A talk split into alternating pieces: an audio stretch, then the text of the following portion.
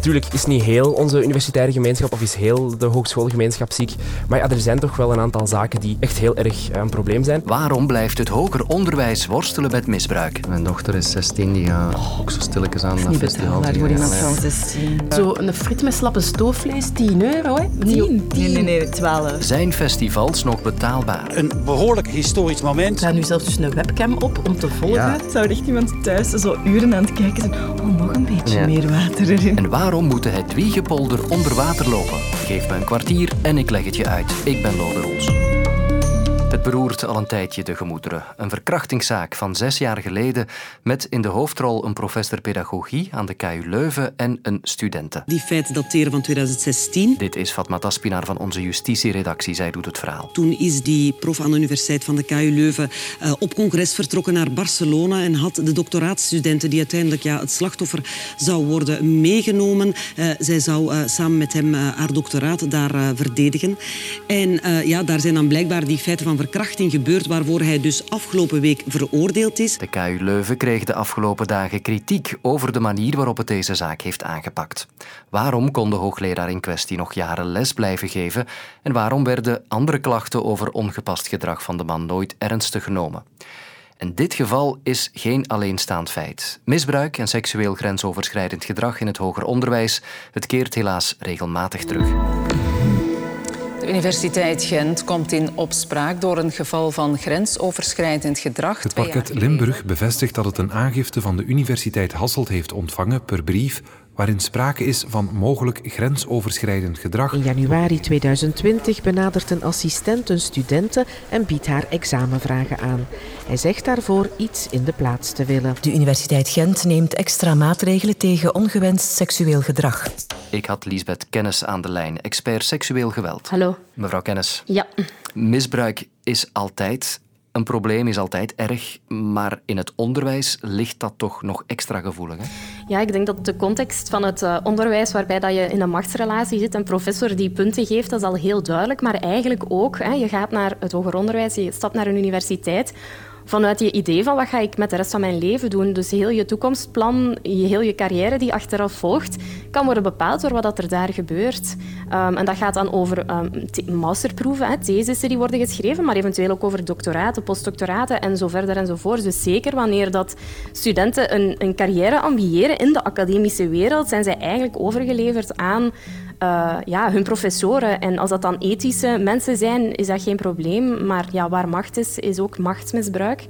Dus als dat bij minder ethisch ingestelde mensen zijn, kan dat wel echt een probleem vormen. Ja, en dus is het door dat machtsspel heel erg moeilijk om daar tegen in te gaan. Ja, dat is eigenlijk echt heel erg dat die daar niet mee naar buiten durven komen. En toch snap ik het, want dat zijn mensen die hebben die studie, dat is een heel klein veld, de onderwijskunde. Ja, dat gaat over een paar tientallen studenten per jaar die afstuderen. Hè. Dus ja, daar zijn effectief professoren die uw naam, die uw carrière kunnen maken of breken. Iets dat vaker terugkomt in dit soort verhalen is het feit dat al vaker geruchten waren over de reputatie van mhm. bepaalde mensen. Of dat men dan achteraf zegt, ja, maar we wisten dat eigenlijk wel. Mhm. Ook bij collega's, professoren, wordt er dan te weinig gezegd blijkbaar. Of dat wordt niet ter sprake gebracht. Er is een soort omerta misschien.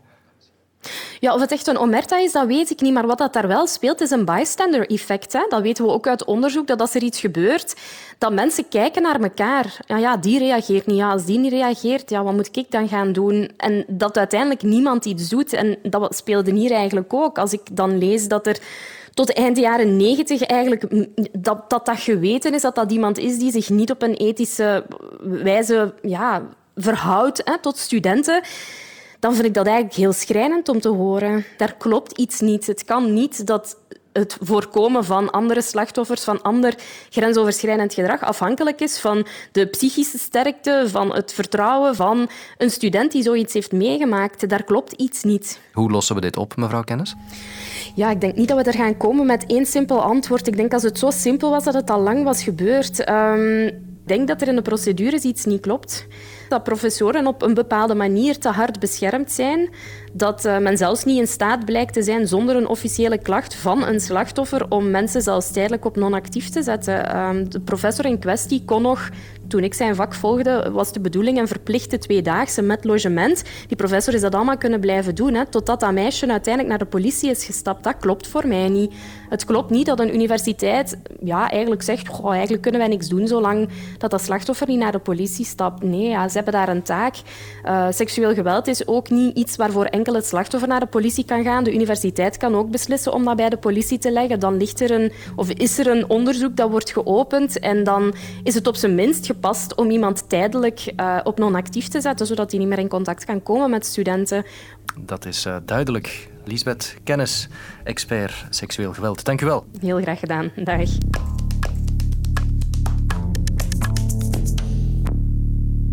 Het is eind oktober en ook al zijn de temperaturen nog uitzonderlijk zacht, de festivalzomer ligt nu echt wel achter ons. Misschien blik je al vooruit naar de volgende zomer. Op Rock Werchter bijvoorbeeld kan je gaan kijken naar Stromae.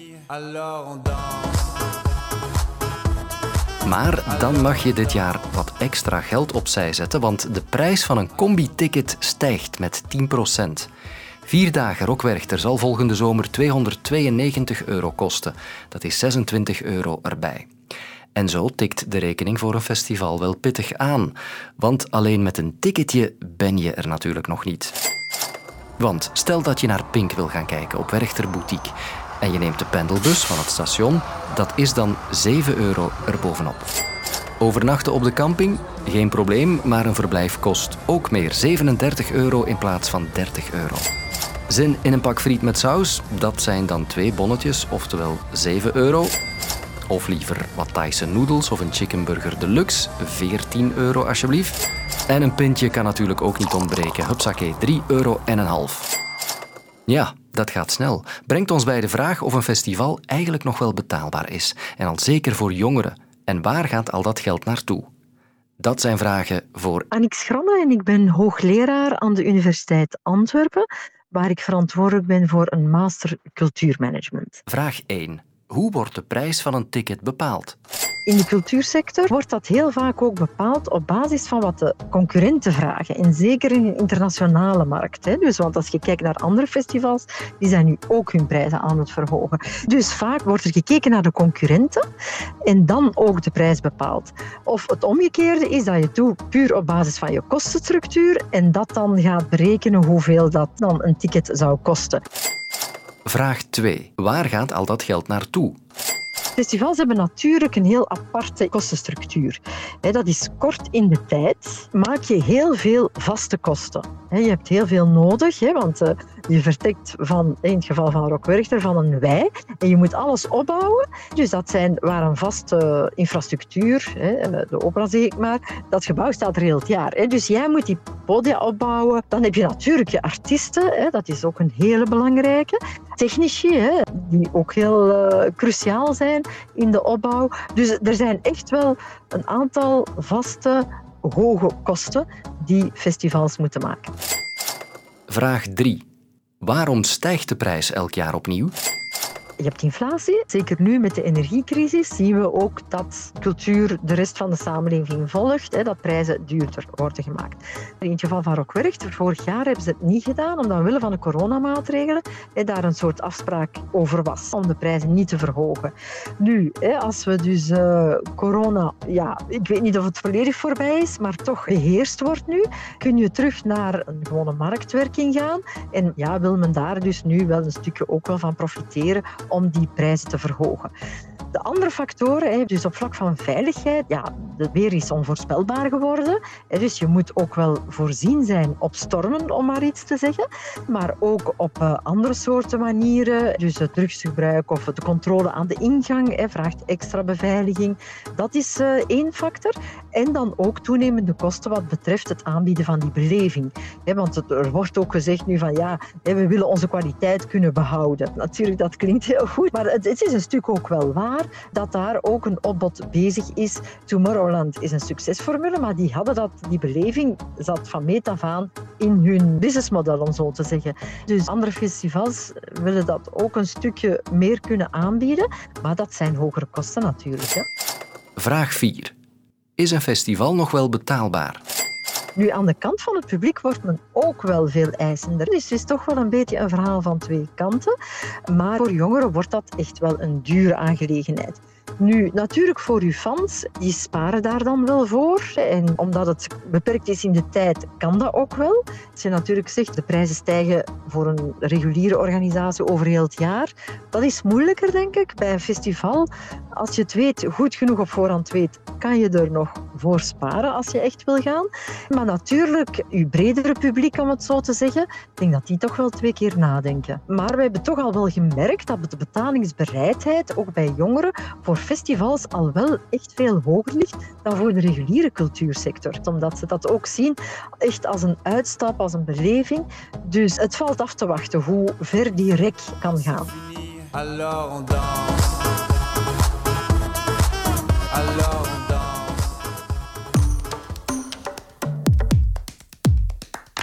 Ik heb er even mijn tablet bij gehaald, want ik zit hier te kijken naar een toch wel speciale livestream. Ik zie een bruine, modderige vlakte. Rechts in beeld is de Schelde, met enkele boten ook. Links een polderlandschap en in het midden zie ik gele graafmachines aan het werk. Dit zijn de Prosper en de Hedwiegepolder, net over de grens met Nederland. Dat zijn nu typisch van die termen die al bijna mijn hele journalistieke carrière meegaan. Want sinds 2005 wordt er over en rond dat stukje grond hevig gediscussieerd, gedebatteerd en geprotesteerd. Wij zijn tegen het zonder enige noodzaak opofferen van goede landbouwgrond. Ja, dat is volstrekt overbodig. Een belachelijk plan. Ik zal te alles proberen en de mensen met mij om uh, te voorkomen dat uh, Hedwig onder water gezet wordt. Hoe zat dat verhaal weer in elkaar? Collega Katrien Boon frist ons geheugen op. De Hedwige en de Prosperpolder. Samen 465 hectare. De Hedwiegepolder in de Nederlandse gemeente Hulst, de Prosperpolder in de Vlaamse gemeente Beveren. Het gebied grenst aan het verdronken land van Saaftingen, een getijdengebied dat populair is bij wandelaars en vogelspotters. En in het oosten ligt de Schelde, tot nu veilig achter een hoge zeedijk. Die dijk verdwijnt en het poldergebied wordt teruggegeven aan de natuur, het water en het getij. De beslissing werd al genomen in 2005, maar er volgde een storm van protest, vooral over de Nederlandse Hedwiegepolder. Want waarom zou je een landbouwgebied laten verdrinken in zout water? Na jaren van acties, getouwtrek en rechtszaken viel het verdikt in 2018. De ontpoldering mag doorgaan. En gisteren, in alle stilte, was het dus zover. Een reporter van de Nederlandse Omroep Zeeland ontdekte dat het allereerste Scheldewater de Hedwiegepolder aan het binnenstromen is. We wisten dat het deze week eh, zou gebeuren, maar ja, wanneer? Gisteren ben ik wezen kijken en op dat moment, toen kwam er geen water uit. Vandaag ben ik weer gaan kijken, toen kwam er weer niks. En net toen ik het op wilde geven, begon het echt te stromen. En was het een behoorlijk historisch moment het eerste water dat de Prosper en het Wiegen binnenloopt. 17 jaar heibel over een kleine 500 hectare grond. Waarom is het zo belangrijk dat die grond wordt teruggegeven aan de zee? Ik ben het gaan vragen aan iemand die de streek kent als een broekzak. Hallo, een U hoort mij nu, hè? Ja, goed, oké. Dirk Gaspaar, gids bij het Zeeuws landschap. In eerste plaats is het natuurlijk voor de veiligheid. Hè? In Vlaanderen is men bewust geworden door de overstromingen in Ruisbroek. Hè, dus dat er toch wel dringend nood was aan een plan om verdere rampen te vermijden. En men gaat dat in Vlaanderen proberen oplossen natuurlijk met potpolders, hè, met gecontroleerde overstromingsgebieden. In Kruibeek heb je ook een potpolder. Hè. In de Durmenvallei zijn ook verschillende potpolders en het Duidwig is daar één van. Hè. Het is een beetje een compensering voor de steeds verdere uitbreiding van het havengebied. Hè. Dus dat speelt ook wel een rol. Maar de voornaamste reden op het ogenblik is toch wel de veiligheid. Hoor. Dat is natuurlijk een proces dat jaren gaat duren. Ik denk zelfs decennia dat dat gaat duren. Eer het, het, het, gebied het uitzicht krijgt van wat nu het verdronken land is. Hè. Dat zijn schorren en slikken. Hè. Met planten die het brakke water van de Schelde kunnen verdragen. En dan hebben we slikken, dat zijn dus slijk- en slikgebieden. Dat is een hele bijzondere biotoop. Maar is natuurlijk ook interessant voor het vogelbestand. Hè. Het is een heel heel dubbel gegeven natuurlijk. Hè. Je zou het moeten toejuichen als natuurgids daar in het gebied, dus dat er natuur bij komt en ook omwille van de veiligheid natuurlijk, maar het is ook een heel, heel mooi cultuurlandschap. En het druist een beetje in tegen alles wat Zeeuws is. Hè. De Zeeuwen hebben eeuwenlang gestreden tegen het water hè, en uh, zoveel mogelijk ingepolderd en nu moeten ze natuurlijk de polder teruggeven aan de natuur. En dat heeft bij nogal wat mensen daar in de streek nogal wat, wat kwaad bloed gezet. Hè. Men heeft dat geprobeerd en men is daar ook in geslaagd om die ontpoldering zo lang mogelijk tegen te houden met verschillende actiecomité's. Het was een heel waardevolle polder natuurlijk. Hè. Ik ga intussen nog even verder kijken naar de livestream van het Wassende Water. Morgen ben ik er weer voor een nieuwe aflevering van Het Kwartier. Tot dan. Luister ook naar Win-Win, de podcast waarin Sven Pichal en Kathleen Kraanhals tips geven om slimmer met je geld om te gaan. Nu in de app van VRT Max.